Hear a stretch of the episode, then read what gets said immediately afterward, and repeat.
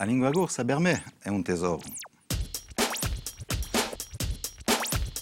Quando è che voi avete imparato a fare la corsa?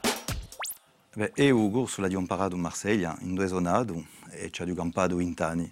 L'ho imparato con i miei genitori, con mia buona che veniva tre mesi d'inverno, e poi lui in particolare perché il francese lo struppiava.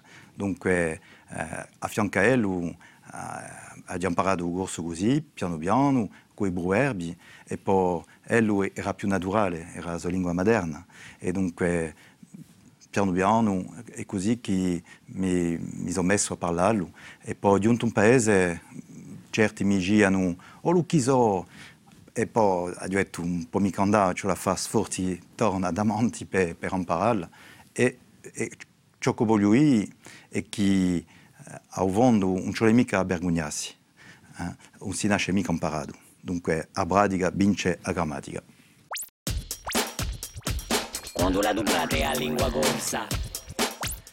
Io la lingua corsa la parlo tutti i giorni, in casa, con mia moglie, ben inteso con i miei la parlo in, un, in Cherudio, con gli amici, eh, e poi a Scagno, con i professori di corso e certi letti che praticano. E poi magari di, di scriverla, magari di, noi di, di cantarla, eh? ogni tanto di scrivere una piccola poesia.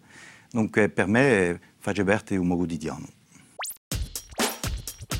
Chi rappresenta per voi la lingua corsa?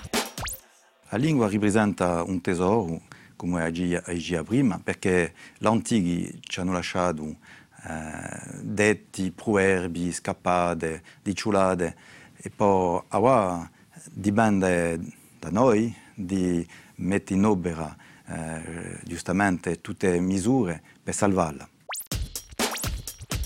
Come dite la bene di lingua corsa?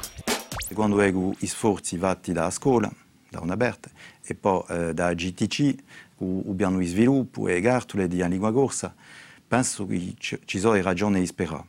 E poi di noi tutti questi gruppi di cantatori fanno un, lavoro da manto eh, e penso che, cioè, che tutto ognuno eh, ribigli in mano questo affare perché è l'affare di tutti, eh? non è più l'affare di eh, certi, uh, qui e culandi, no. E dunque penso che eh, è come una musica eh, per, per, noi tutti. A, noi la canzone, la più bella maniera di imparare e di cantare. Dunque mettiamoci a cantarla, a parlarla e tutto andrà così bene.